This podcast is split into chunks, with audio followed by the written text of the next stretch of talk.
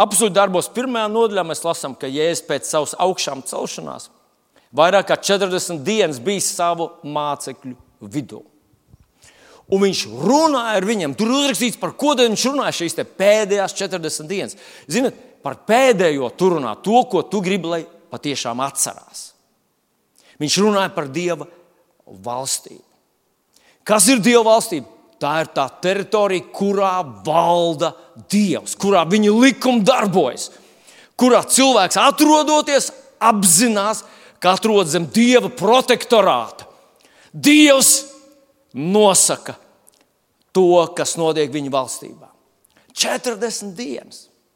Redz, kādreiz lasot Bībeli, neņemot vērā šos uzstādījumus vai, vai šos te, nu, šo kontekstu, Mums liekas, ka viss, ko Jēzus no mums gribēja, ir nedaudz izmainīt mūsu tādas manieres. Nu, samazināt mūsu vārdu krājumu. Agrāk, kad mēs sadusmojāmies, mums bija pff, bagātīgs vārdu krājums. Daļu mēs aizņēmāmies no lielās un plašās uh, tēvzemes, kurā tā ir vesels žanrs, kur viens lamu vārds var nozīmēt entās dažādas lietas. Ārzemnieki vispār nespēja tikt galā ar to. Mums ar tevi, nu es runāju par manas paudzes jauniešiem, mums ar tevi tas bija zināms. Nu. Mēs ar to saskārāmies ik uz soļa, aizgāja pie priekšnieka. Priekšnieks vispirms nu, norunāja valodās, un pēc tam teica, kas paliek. Es esmu bijis armijā, kur, kur nu, neviena komanda netika iz, nu, nodota bez tā, ka ievada tāda konkrēta sulīga ievada, tad ir kaut kas, un tad vēl nobeigums vēl ir kaut kas. Un ar laiku tu sāc saprast, kurā gadījumā tas vārds nozīmē vienu no tām septiņām nozīmēm. Un, ja es atnācu, nē, nu es negribētu, ka jūs tā runājat. Es gribētu, ka jūs tā kā sakat, lūdzu, paldies, un smaidat vienmēr, un sakat, mīļi, aleluja, un, un, un, un tādas lietas. Bet tas ir tādam virspusējam Bībeles lasītājam. Viņam var likties, ka, ja es vienkārši gribēju, lai mēs esam smaidīgi, tādi laipni, nu, tādi, nu, tādi dievkociņi. Nu, piedodiet par tādu žanru. Mēs nemākam ne iekost, ne iesist, ne, ne uzspļaut. Nu, aiz muguras varam mēli parādīt vienīgais. Un tad jau mums uzreiz bailes sajūta, vai ne? Un mēs, Dievs, piedod, piedod, piedod, laikam nepareizi izdarīt. Bet patiesībā, mīļie draugi, mana dziļa pārliecība ir, ka Jēzus runāja par kaut ko daudz nozīmīgu, dziļāku un lielāku. Viņš runāja par dzīvošanu pilnīgi citā dimensijā. Redz, mums to dažreiz ir grūti saprast, jo mēs esam tādā robežas situācijā. Mūsu gars jau ir tajā pusē, mūsu dvēsele daļai ir tajā pusē, tā atvaino, atjaunojas un nepārtraukti mainās. Mēs to darām tad, kad mēs lasām Dieva vārdu, un mēs to pieņemam savā vērtības sistēmā. Mūsu dvēsele atjaunojas, mainās. Bet mūsu miesa kon konstanti ir šajā pusē. Un tur ir tā lielā pretruna, ka mēs ar vienu kāju esam jau mūžībā, un ar otru kāju mēs vēl aizvien esam šajā pasaulē, šajā laikmatā. Bet Jēzus mūs aicināja, lai mēs rēķinamies ar nākamo. Viņš rēķināja, lai mēs smeļam savu identitāti no turienes, lai mēs smeļam savu piedarību, savu, savu res, resursu un savu perspektīvu no turienes. Jo tas, kas ir vakar, kaut kur Jēzus saka, ka tums jau aiziet, tas jau paiet, tas faktiski Dievs, jā, viņš saka, naktis ir pagājusi. Tā kā, tā kā tas ir Dieva skatījumā, tās ir pāris. Varbūt sekundes, kas mums vēl nāksies samierināties ar šo te, nu, tādu duālo stāvokli. Un tāpēc esmu pārliecināts, ka viņš runā par Jēzus valstību, par viņa varu. Viņš ir ķēniņš, viņa likumiem, kas spēj jau, kaut arī mēs ar tevi atrodamies tādā, nu, tādā pusstāvā, puspārējā, spēj darboties mūsu dzīvē un mūsu svētīt.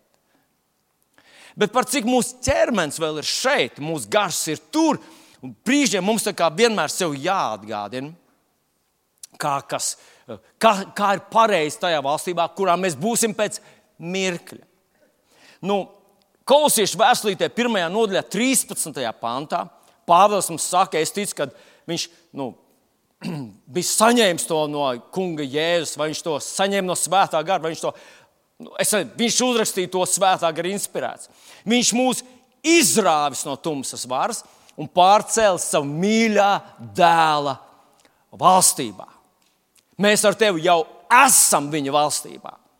Mēs jau esam viņa valstībā, mēs jau piedaram viņa valstībā. Viņa likumi jau darbojas mūsu dzīvē.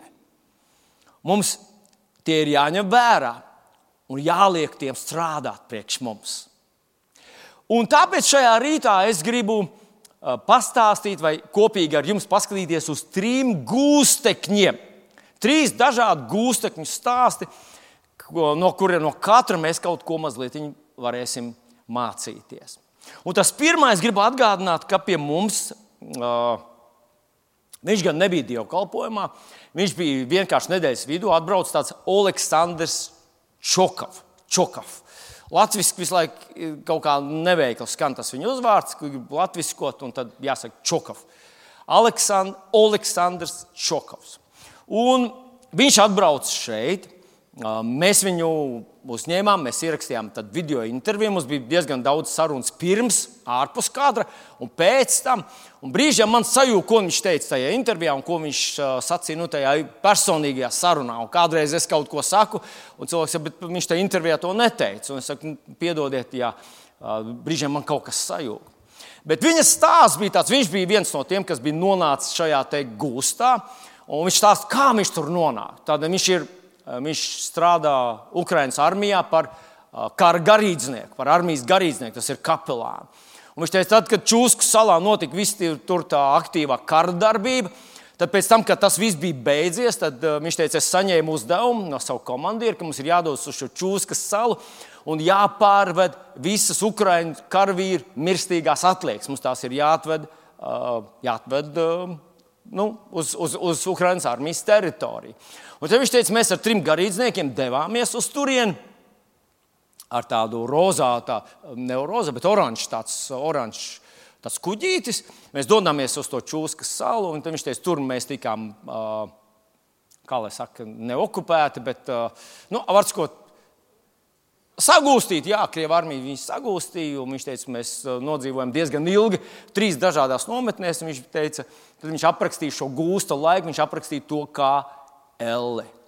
Un tad es viņam jautāju, nu, kāds tad ir. Nu, viņš tur stāstīja, kā, kā, kā tas tur, ko tur ēda. Un, un kā tur pret viņiem izturējās, ka katra jauna nometne, katrs jauns posms sākās ar tādu masveidu sišanu, pazemošanu un tā tālāk.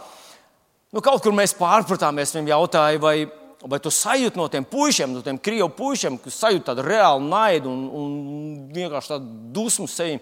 Un viņš kaut kā pārpratīs, viņš sāk stāstīt par savām sajūtām. Nu, tātad tas palika neatbildēts, bet viņš teica, tas bija, tā bija elle, kas tur bija. Un tad es viņam jautāju, vai tev palīdzēja tā tava, nu, tā tava dievbijība?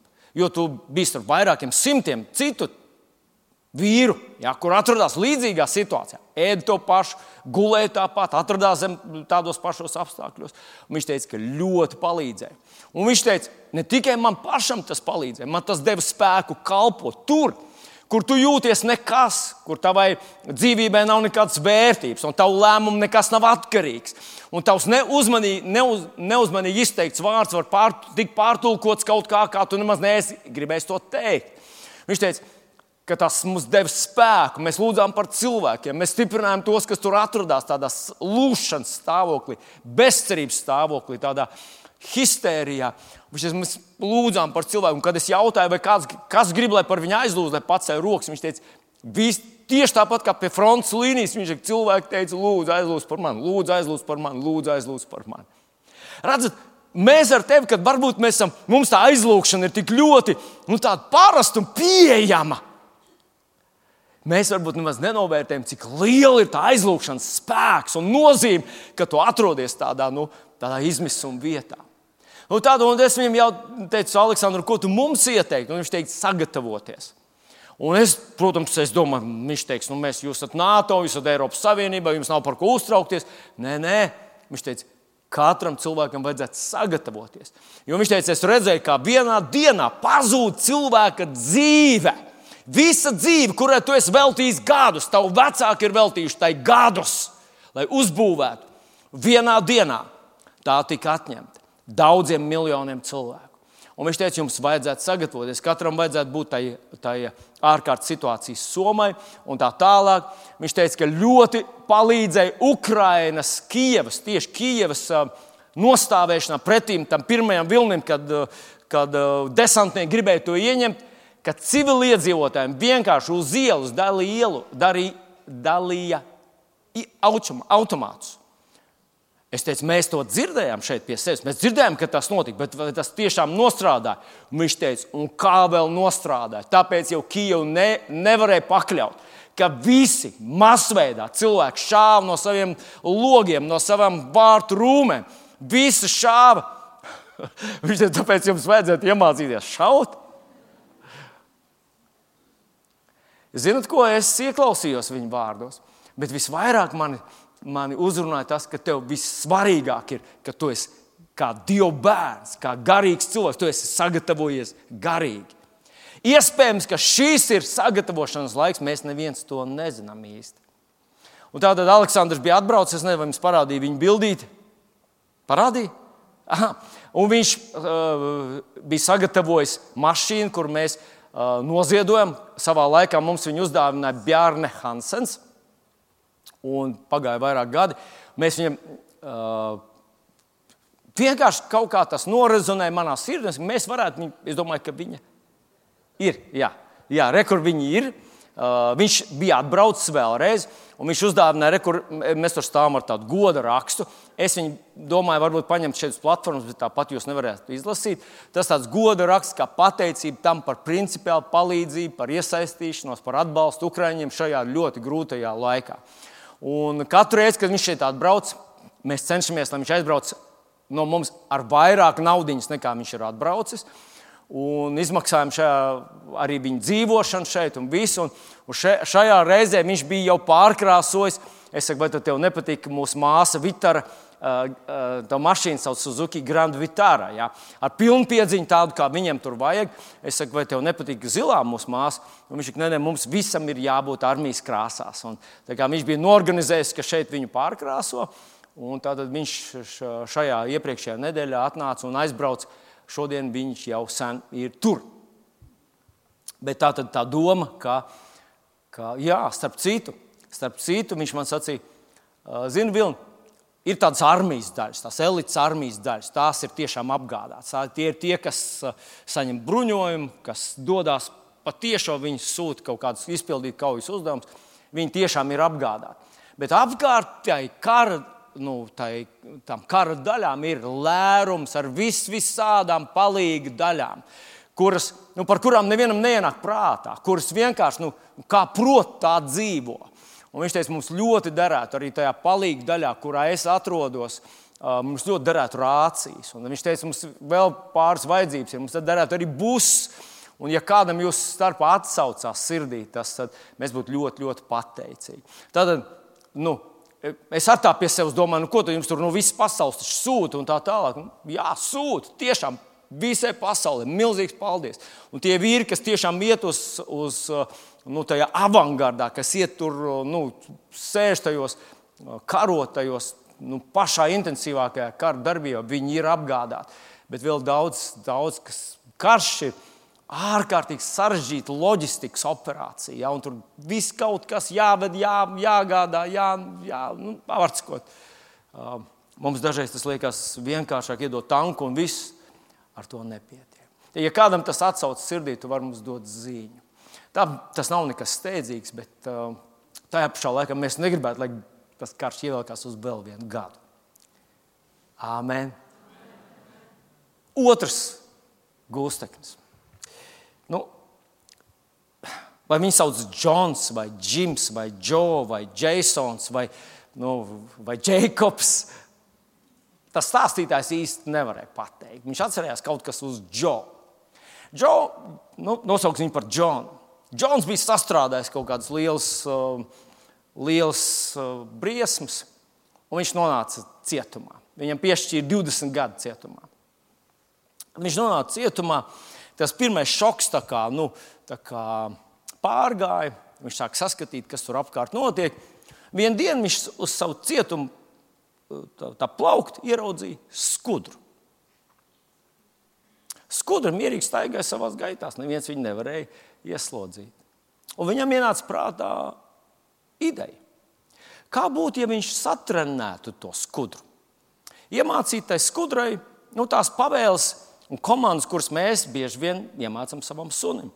Viņš ir prasi, beigts, izliecies par beigtu, kūlens. Un hop, skudrai bija jālec. Un viņš sāk visu šo 20 gadu laikā, viņš aktīvi un mērķiecīgi, ļoti pacietīgi strādāja ar to skudru un iemācīja skudrai visas šīs četras komandas.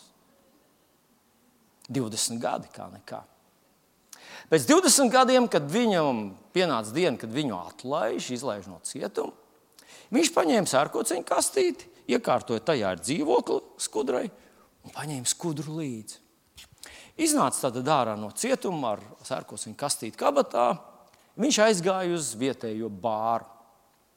Paņēma tur dzērienu, vietas nebija. Viņš piegāja pie galda, kur jau viens vīrs sēdēja. Apsēdies pie tā galda. Nu, par kaut ko jārunā. Viņš iedomājās, ka viņš parādīs savus skudras trikus. Izvilka savu kastīti, pasauca skudru ārā un parādīja šim te galda biedram visus četrus skudras trikus. Prasi, beigts! Kulens, hop! Galda biedrs bija sajūsmā. Viņš ir paklausies to ar šo skudru, ar šo cirka skudru. Tu varētu nopelnīt naudu.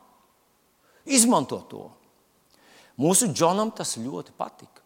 Viņš paņēma savu, savu skudru un aizgāja pie bārmeņa letes. Izlaiž skudru uz, uz, uz letes un pasaules bārmeni panāca. Bārmenim viņš saka, vai tu redzi to skudru? Bārmenis ir. Piedodiet, ser, vairāk neatkārtos.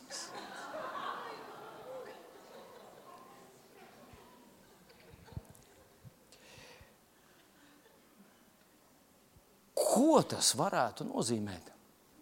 Ziniet, mums katram ir tāda cirka skudra, kurā mēs ieguldāmies. Un mēs domājam, ka viņai ir liela perspektīva. Un tas ir tas, ko Aleksandrs Čakovs mums saka. Ka tas var, tavs lielais ieguldījums var tikt iznīcināts vienā mirklī. Neieguldies pārāk savā cirka skudrā. Atcerieties šo cirka skudru, varbūt tas mums šodien vēl noderēs. Bet es gribu pastāstīt arī par trešo gūstekni. Un tas trešais gūsteknis ir apustulis Pāvils. Kādā vietā Pāvils kā, saka, man izaicināja to. Es negribēju to darīt, man jālielās, bet lielīšos ar savu nespēku. Un tad viņš raksta par visu, ko viņš ir piedzīvojis. Viņš saka, es biju salā, augstumā, esmu piedzīvojis badu, Esmu piedzīvojis pārpilnību, esmu piedzīvojis nodevības, esmu piedzīvojis nicinājumu, naidu, lamas, esmu piedzīvojis aizdomas, apsūdzības, esmu vairākas reizes apcietināts, sagūstīts, vests uz Romu. Nu, tur atšķirās daži viedokļi. Pētniekiem viens saka, ka vienreiz viņi aizved uz Romu, un tur viņš arī nosēdēja visus tos vairākus gadus ieslodzījumā, un tad beigās uh, viņš saņēma nāves sodu. Daži saka, ka viņš tika izlaists un ka viņš veica vēl vienu misijas ceļojumu, bet tad viņš vēlreiz tika sagūstīts un aizvests uz Romu vēlreiz, un ka tad gan viņš tika, nu, pie, saņēma nāves sodu. Nu, tā tad apelsīns Pāvils piedzīvoja tādas ciešanas no cilvēkiem un no Romas varas. Romas vara beig, beigās vienreiz viņš tika Jeruzalemē sagūstīts, kā mēs zinām, un uh, iespējams, ka otrais pat arī.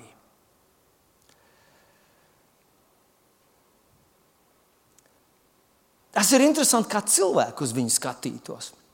Kādu cilvēku, kas tagad ir, ah, vai tu zini to apelsīnu Pāvilu, tu atceries to apelsīnu Pāvilu? Ja? To, nu, viņam tas ebreju vārds bija Sauls, vai tu atceries viņu? Viņš ir ieslodzījumā. Jā, jā, ieslodzījumā. Un it kā esot piešķīruši viņam nāves sodu. Oh! Ah, nabadzīgs. Vai ko tad viņš tā? Ah, tu atceries, ka viņš ir fanātisks un kā viņš tur, tur briesmīgi tur. Nu, nebija viņam nekādas izpratnes, nebija viņam nekādas tādas izmaiņas, kā rīkoties. Pārspīlēja, laikam, fana, jā, fanā, pie kā noved fanātisms. Jā, un ko tad, kad vēl aizvien cietumā, vēl aizvien cietumā, jā, visdrīzāk, ka viņš ne, neatgriezīsies no turienes. Bet, ziniet, mani šajā nedēļā vienkārši līdz asarām sajūsmināja un uzrunāja tas kapsulas Pāvils pats redzēja savu situāciju. Mēs to redzam vairākās vietās, bet es jums piedāvāju šodien paskatīties Pāvila vēstuli Filimonam. Pirmā nodaļa, pirmais pāns. Redziet, kad viņš rakstīja šo vēstuli līdz Filimonam, viņš vienlaicīgi esot rakstījis arī vēstuli Eveziešiem un vēstuli Kolosiešiem. Un tur visur tiek pieminēta tā doma, ko arī šeit viņš Filimonam saka. Tās visas tika uzrakstītas cietumā. Un tad ir tie Bībeles pētnieki, kas saka, otrā vēstule Timotejam. Arī Pāvils uzrakstīja cietumā, un tā ir tā vēstule, kuru viņš rakstīja neilgi pirms savu nāves spriedumu. Kā tad Pāvils sev redzēja? Pāvila vēstule Filmonam, pirmā nodaļa, pirmais pants. Pāvils, Kristus, Jēzus, gūsteknis. Pāvils, Kristus, Jēzus, gūsteknis. Pāvils, pagaidi, Jēzus. Jēzus taču nesagūstīja tevi. Pāvils, Jēzus jau nebija tas, kurš tevi ielika cietumā. Tā bija Romas vara. Tie bija tie cilvēki, bieži vien negodīgi cilvēki, cilvēki, kas apsūdzēja viņu noziegumos, kurus viņš nekad nebija darījis, nebija gribējis darīt, nebija domājis par to darīšanu. Pāvils, Romas gūsteknis tu esi. Vēlns varbūt tas bija, kas stāvēs tās Romas, bet tas jau nebija Kristus Jēzus. Pāvils visur redzēja savādāk. Un zini ko? Tas ir vienalga, kā citi tevi redz. Ļoti svarīgi ir, kā tu redzi pats sevi, kā tu redzi to situāciju, kurā tu atrodies. Un izējot no tā, tu rīkosies. Mūsu laikos gan ir ārkārtīgi svarīgi, ko visi citi par mani domā. Šodien ir cilvēki, kas lien vai no ādas laukā. Viņi ir gatavi upurēt visu, ko, lai tikai tie citi par mani labi domā. Bet tu jau ļoti labi zini, cik daudz vispār domā par citiem. Un cik viegli tās labās domas par kādu citu tev ir pārvērstas sliktās domās. Vai ne? Vai ne? Cik mums viegli ir noticēt, ka kāds, par kuru mēs visu laiku domājam, labi, īstenībā ir pēdējais nelietis. Tas ir tik viegli. Bet šķiet, ka Pāvils līdzinājās Jēzum, kurš ļoti neiespringa par to, ko cilvēki par viņu domā. Tajā pašā laikā viņš saka, jā, mēs dzeramies ne tikai pēc tā, kas labs Dievu priekšā, bet arī mēs gribam, lai cilvēki mūs nepārprot. Nē, nē, nav tā, ka es speciāli izaicinu viņus, domāju par mani uh, slikti. Nē, es to nedaru. Es negribu, lai es, varu, es saprotu, ka mana reputācija ir svarīga, lai jūs sadzirdētu to vēstu, ko es stāstu. Bet tajā pašā laikā šeit mēs to redzam, ka Pāvils nedēļa godu Romai, nedēļa godu ienaidniekiem. Viņš nedēļa godu vēlnam, viņš nepiešķīra viņiem uzvaru. Viņš teica, tas, kur es esmu nonācis, ir pateicoties tam, ka es esmu bijis uzticams, nodevies, darīju, ko mans kungs man lika. Es neesmu Romas gūsteknis. Jēzum ir visa noteikšana manā dzīvē. Es esmu Kristus, Jēzus gūsteknis. Gods viņam par to!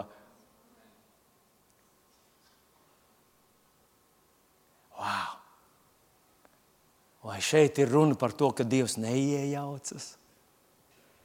Vai šeit ir runa par to, ka Dievs nepalīdz? Vai šeit ir runa par to, ka Dievs nu, viegli sadzīvo ar to, ka viņa kalpi ir nabagi, nospiesti, nevarīgi, nespēcīgi? Vai te ir stāsts par šo lietu? Nē. Ja jūs lasīsiet apakstu Pāvilu, jūs konstatēsiet, ka viens no viņu raksturojušiem, viņa teoloģija, viņa uzskats raksturojušiem apgalvojumiem ir uzrakstīts Filipiešiem 4.19. Mans Dievs apmierinās katru jūsu vajadzību! Jo viņam drusku ir pēc savas godības pilnās bagātības, Kristu, Jēzu, Halleluja! Ha, ha, ha, ha! Mans Dievs var visu! Un tad es nu, tā pavisam virspusē padomāju, Kad viņš aizbrauca uz Romu, aizbrauca uz Romu, viņš teica, Dievs man sūta uz Romu, aizbrauca uz Romu par velti. Viņš aizbrauca uz Romu par velti. Jā, protams, saka, nā, bet ja viņš būtu miljonārs, viņš varētu nofraktēt pats savu kuģi un braukt ar ērtībām. Tur. Nu, protams, protams, protams, protams. Bet pat ja viņš būtu miljonārs, viņš nofraktētu savu kuģi, viņš nevarētu nonākt tajā auditorijā, kurā viņš nonāca. Un, kad viņš Romā dzīvoja, mēs lasām kādā situācijā, ka divi gadi viņam tika piešķirts kareivis, kas viņu sargāja, lai viņš neaizbēgtu, bet tas pats kareivis sargāja viņu. Iedomājieties, ja es visur staigātu ar tādu divmetrīgu miesas sargu. Kad miesas sargs teica, tu taču nebēgs prom, es pff, prātā nenāku. Visur, kur tu ej, tev nāk līdzi Romas centurions. Es domāju, ka tas nostrādāja ļoti interesanti. Un zinot, ko es domāju, ka daudz no tiem ļauniem cilvēkiem, kas būtu varbūt uzdrošinājušies vai gribējuši Pāvēlam kaut ko nodarbīt, neuzdrošinājās neko izdarīt tieši tā centuriona dēļ. Un bez tam Pāvēlam bija iespēja vairākas reizes uzrunāt Romas aristokrātiju ar savu evaņģēlīju vēstu. Vai tas bija Dieva plāns? Ļoti iespējams, ka tas tā bija. Katrā ziņā Pāvils to tā saskatīja. Bet, mīļie draugi, mēs vēl smalkāk par to varētu izlasīt otrā vēstulē Timotejam, pirmajā nodaļā. 12. pantā, un es gribētu, lai mēs arī šodien pie šī panta apstātos uz mirkli. Tātad 2. Timotejam, 1. nodaļa, 12. pāns. Tā labi es arī ciešu visu šo bet es nekaunos, jo es zinu, kam esmu paļāvies. Un esmu pārliecināts, ka Viņš ir spēcīgs pasargāt man uzticēto mantu līdz viņai dienai. Nu, ja mēs salīdzinātu latviešu revidēto tekstu, un šis ir revidētais teksts, kur es jums lasīju, tad mēs konstatējam, ka King James ir drusku atšķirās. Un šeit, tur, teiksim, kur pants beidzās ar, ar vārdiem, viņš ir spēcīgs pasargāt man uzticēto mantu. Tur ir vārdi, viņš ir spēcīgs manis uzticēto mantu pasargāt līdz viņai dienai. Tātad te runa ir par to, ko Pāvils bija uzticējis savam kungam, ka to viņš pasargās līdz viņai dienai. Bet ļaujiet iesākt man šo pantu no paša sākuma. Tātad, tā labi es arī biju ciešu visu šo kā labi viņš visu šo cieš. Vai Pāvils būtu varējis izvairīties no šīm vajāšanām? O, jā, o, jā, viņš būtu varējis izvairīties. Klusu ciest māca pat bērni, kuriem nu, neviens neko nav mācījis. Viņi saprot, ka tas ir riskanti un ka par to var dabūt pat dupsi, un viņi cieši klusu. Pāvils būtu prātis izlocīties un izlīferēties un vienkārši, nu, kā saka, tā grieķi saka, bokam, bokam un izvairīties no situācijas. Bet Pāvils to nedarīja. Mērķiecīgi, kā labi tu cieti. Mēs varētu visu to, kas ir pateikts pirms šī panta, uh, noreducēt līdz vienam vārdam - evaņģēlijas. Viņš man izrāva, viņš man izglāba, viņš man piedeva, viņš man iecēla, viņš man nolika par saucēju, apstuli un sūtni. Un tā labi es ciešu visu šo evaņģēlīju dēļ.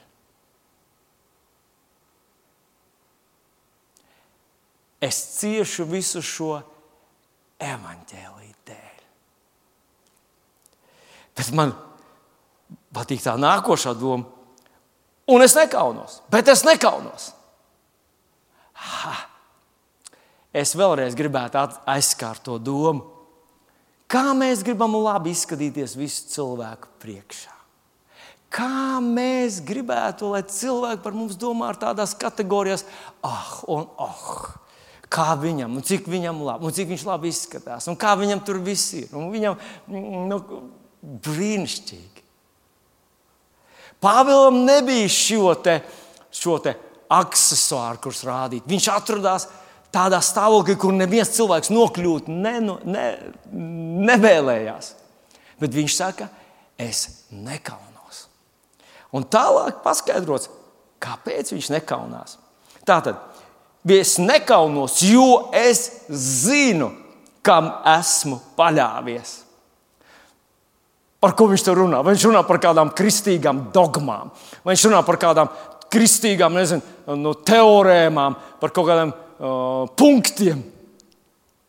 Viņš runā par personu. Es pazīstu to, kuram es esmu paļāvies. Es zinu viņu. Es zinu, kāds viņš ir. Es zinu, cik dārga ir viņa acīs, viņa kalpu nāve. Es zinu, ka viņš to tā neatstās. Es zinu, ka viņš visu sakārtos. Es zinu, un tad turpinās tas teksts, ka to, ko es viņam esmu uzticējis, viņš to pasargās līdz viņai dienai.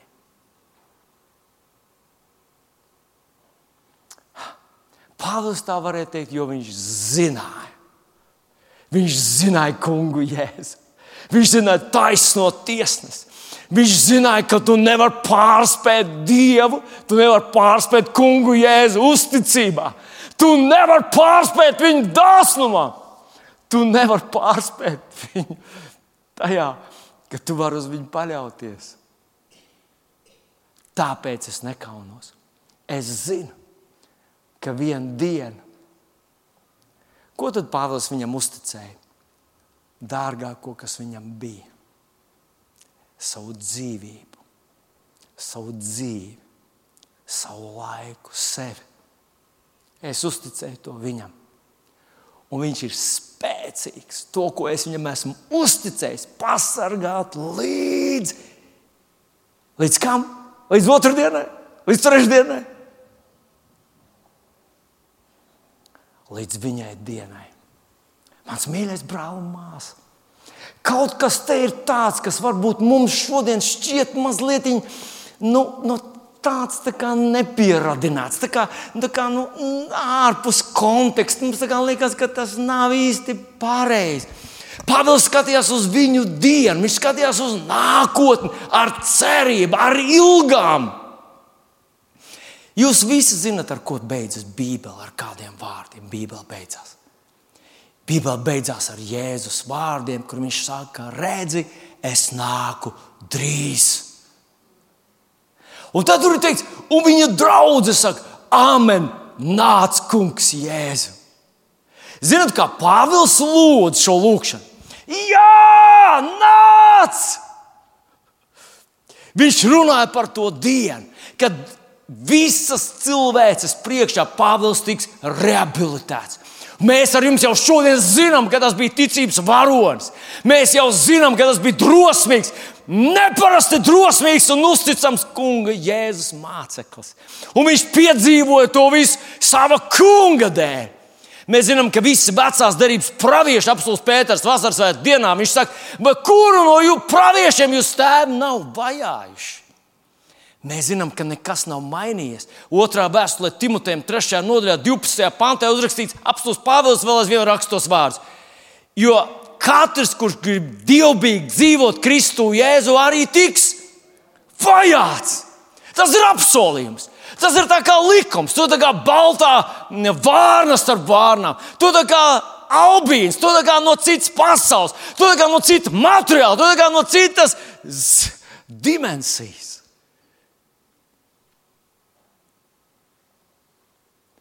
Ziniet, kamēr mēs investējam visu savā cirka skudrā, mums ir cita lūkšana. Mums ir lūkšana, lūdzu, nenāc, kungs, jēs. Lūdzu, vēl ne, ak, vai pēdējās dienas, nu beidziet man te visu laiku pilināt par tām pēdējām dienām. Es gribu dzīvot. Un kamēr jaunieši grib savā dzīvē piedzīvot to, to ārprātu laimes mirkli, kas ir apprecēties. Es apprecēšos, un tad nāca kungs Jēzu. Tā mēs visi domājam, tad, kad mēs esam vēl ne. Mēs domājam, oh, oh, oh, oh, tas atsver visu. Vārds sakot, Nu, tas vēl ir piedodams. Bet, kad mēs jau nobrieduši kristieši, mēs visu laiku mūsu tā lūkšana, lūdzu, vēl nenāk, lūdzu, nenāk, lūdzu, vēl nav. Nē, nē, es gribēju padzīvot, padzīvot, padzīvot. Jo es esmu tik daudz ieguldījis savā cirkas kudrā. Viņi man te ir. Ui, ui, lūdzu, dzīvo.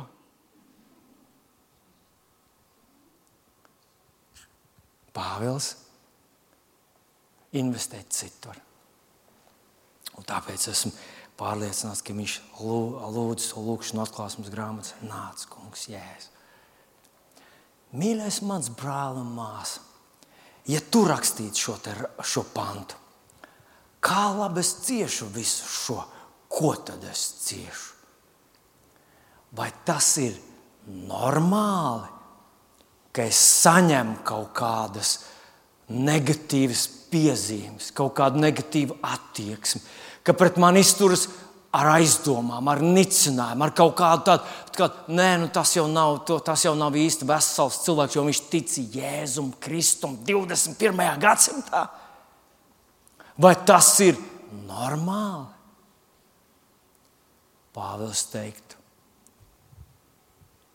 tev līdz šim tā nav bijis? Tas gan nav normāli.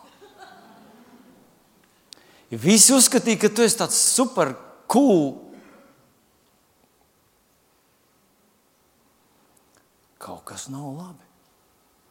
Jo visi, kas grib svētbīgi dzīvot Kristu Jēzu, jo visi, kas grib svētbīgi dzīvot Kristu Jēzu, arī tiks vajāti. Vai, es, vai tu vari teikt, ka es nekaunos no tā grūtībām, kuras es piedzīvoju? Jo es pazīstu to, kam esmu paļāvies? Vai tu pazīsti to, kuram es paļāvies? Vai tu velti laiku, lai iepazītu viņu? Vai tu atceries, ko viņš tev ir atklājis, un tu to turi savā acu priekšā, zinot, kāds viņš ir? Vai tu lasot Bībeli, ieliec sevi to varoņu vietā un saproti, kā Dievs ar viņiem rīkojas, un tad zini, ka tāpat viņš rīkosies ar tevi? iepazīt viņu. Tāpēc es nekaunos. Tāpēc es viņu pazīstu un es zinu, ka viņš ir spēcīgs pasargāt manis uzticēto viņam līdz viņai dienai. Saka, līdz viņai dienai. Viņā diena var būt sots, un viņā diena var būt balva. Viņā diena var būt biets, un viņā diena var būt cerība. Tā viņa diena, tā kunga diena var būt kaut kas, uz ko tu skaties nākotnē, zinot, ka tavas labākās dienas ir tev priekšā. Vai arī tu vari dzīvot kristieša dzīvi, liek to pēdiņās, ar domu, ka labākais ir šobrīd. Un pat kad Jēzus atnāks, tu neesi drošs, kas notiks ar tevi. To šodien vēl ir iespēja labot. Tāpēc mēs ar tevi nesamierinamies ar to, kur esam. Tāpēc mēs nākam šeit, un šajā rītā es gribu nobeigt ar vēl vienu pantu no, no Pāvila, piedodiet, no Marka evanģēlija 8. nodaļas. Gan arī gribēju teikt, Pāvila evanģēlija Markam 8. nodaļas. Bet tas ir Marka evanģēlijas 8. nodaļa. Izlasīšu 34. pantu, un es gribētu, ka tu viņu paņem līdzi šajā nedēļā un padomā. Un pieaicinājis ļaudis līdz ar saviem mācekļiem, viņš uz tiem sacīja: Paklausies, kas man grib nākt pakaļ, tas lai aizliedz pats sevi, lai ņem savu krustu un staigā man pakaļ. Edvards, tur uznākt augšā. Mēs jau tuvojamies noslēgumam. Kas man grib nākt pakaļ? Ko nozīmē iet pakaļ? Tas nozīmē sekot. Tas nozīmē kļūt par sekotāju. Šodien tā ir ļoti visiem saprotama lieta. Es kādam sekoju, man ir tik daudz sekotāju, un tik daudz sekotāju ir.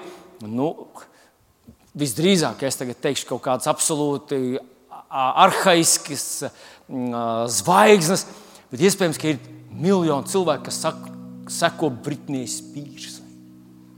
Viņi grib zināt, ko Britānija šorīt no rīta uzvilka un, un ko viņi ēd brokastīs. Un viņiem tas ļoti interesē, viņi pavelta savu kaut, kaut kādu laiku.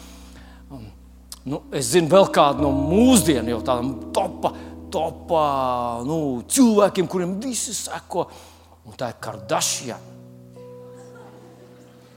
Vai tu šorīt paskaties, ko Kardashian ēd brokastīs? Ir cilvēki, kuriem zina pilnīgi visu, kāds viņai zeķis, kāds viņai dezodorants, kāds viņai zopas, kāds viņai. Nu, Es sekoju, man ir svarīgi, ja tur es gūstu kaut kādu apziņu. Jā, jā, mums ir daudz, mēs esam miljoni. Iespējams, ka tev Latvijā ir kāds, kuram tu seko. Kam tu seko? Kam tu seko? Ja, es, ja kāds grib man sekot, redz, tas nav kaut kas, ko mēs izdarījām, ievilkām ķeksītis un kristietis. Jā, es esmu kāda tavu eh, ticība, kristietis, kāda tavu ticība, luterāns, kāda tavu ticība, katolis. Es jau nezinu, cilvēku, ko nozīmē katolis. Nu, Latvijas, nu, Aglons.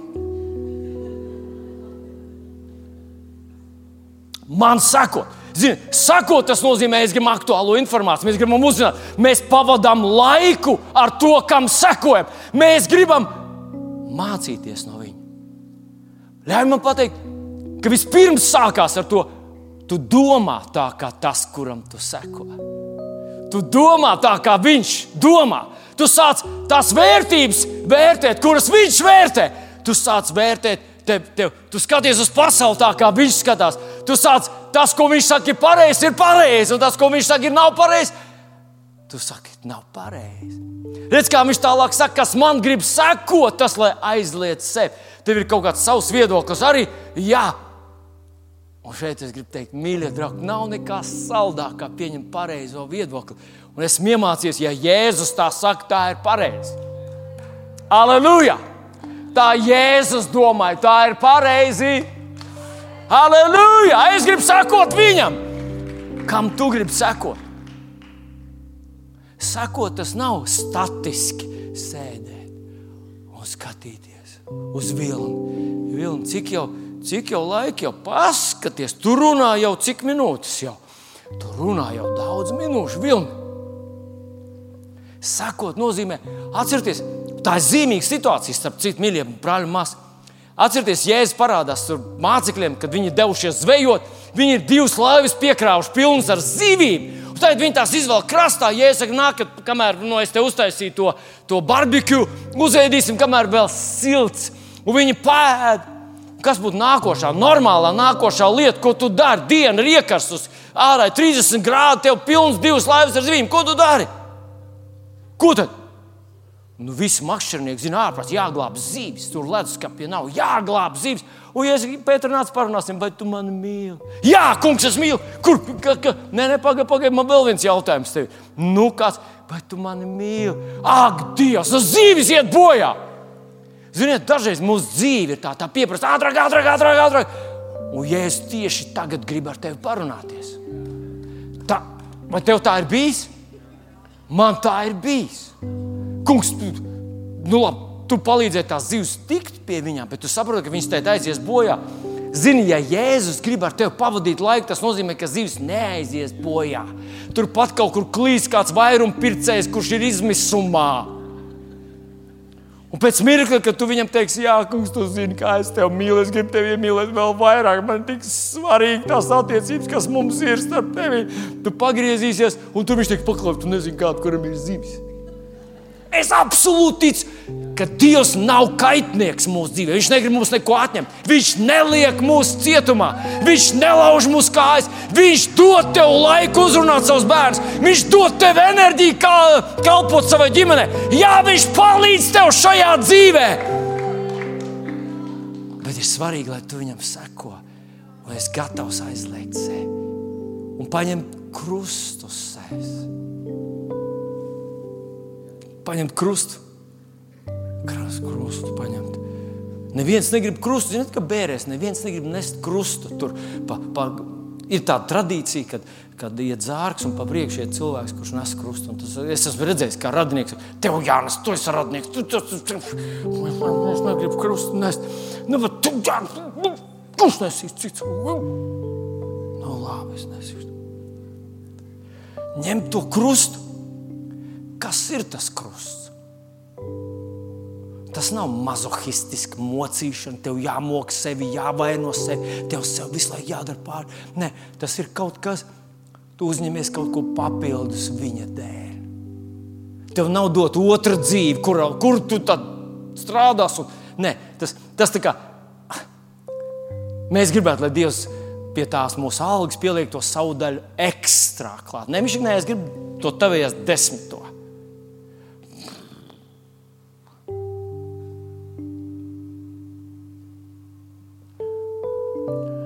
Tas, kas notika šajos vakaros, šajos svētkos, tie bija cilvēki, cilvēki kas uzņēmās krustu Tas varbūt nebija, ne, neizklausās tik ļoti skaļi. Tas ir kaut kāds grūtības, kaut kāda pienākuma, kurus tu nebūtu darījis sevis dēļ. Tu to negribētu darīt.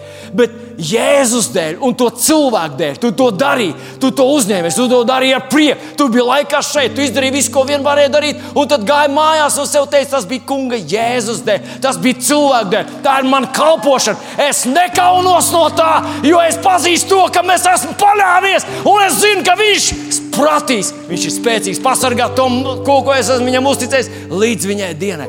Mīļais Dievs, mīļais draugs! Tajā mirklī tev tā viņa diena kļūst aktuāla, nozīmīga, svarīga. Tā kļūst kā magnēts, uz ko tu raugies. Ja tu esi viens no tiem krustu nesējiem, tāpēc šajā rītā gribu te uzjautāt, vai tev ir krusts, kur tu nes Jēzus dēļ? Nav! Lūdzu, iesniedz mums savu, savus uh, datus, mēs tev sagādāsim krustu. Tu sagād, sagādāsim kaut kādus pienākumus, kaut ko, kur tu varēsi ticībā mīlestībā uz Jēzu kaut ko izdarīt viņa valstības labā. Tur aiziet savā darba vietā un lūk, kurš tas ir, kurš tas ir. Jo noteikti ar taviem draugiem tur apkārt ir kāds, pie kura Dievs šobrīd strādā. Un tu vari palīdzēt Dievam pieskarties. Tev nu jā, nav jākļūst par mācītāju, vai par pērminderu, vai par, par zvaniķu. Tev vienkārši mīlestībā un vienkāršībā jāpieskarās tam cilvēkam ar Dieva mīlestību. Iespējams, ka tu saņemsi no viņa kaut ko negatīvu. Es uzaugu ticīgi vecāku ģimenē, bet man bija kaut kas iekšā tāds. Dievs neņēma to vērā. Viņš parādīja mīlestību, uzrunāja atkal, uzrunāja atkal, uzrunāja atkal. Tie, kas nepazīst kungu Jēzu, Viņos tas ir iekšā, tāds dumpis, tāda nepatīk, tāds dusmas uz Dievu. Un mums nevajadzētu ar to rēķināties. Mums vajadzētu rēķināties ar viņu mīlestību.